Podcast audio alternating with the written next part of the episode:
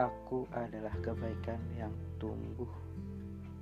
lantas menyalakan beragam nyala, mengabarkan bahagia di setiap jeda, merekam alasan-alasan yang tenang, mereda di setiap hujan kebahagiaan,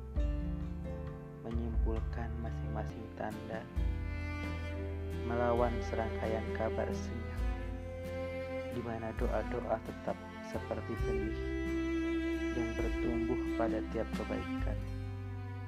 menggambarkan alasan-alasan senyap, mengantar kita untuk tetap bahagia, sembari menyusun beragam cerita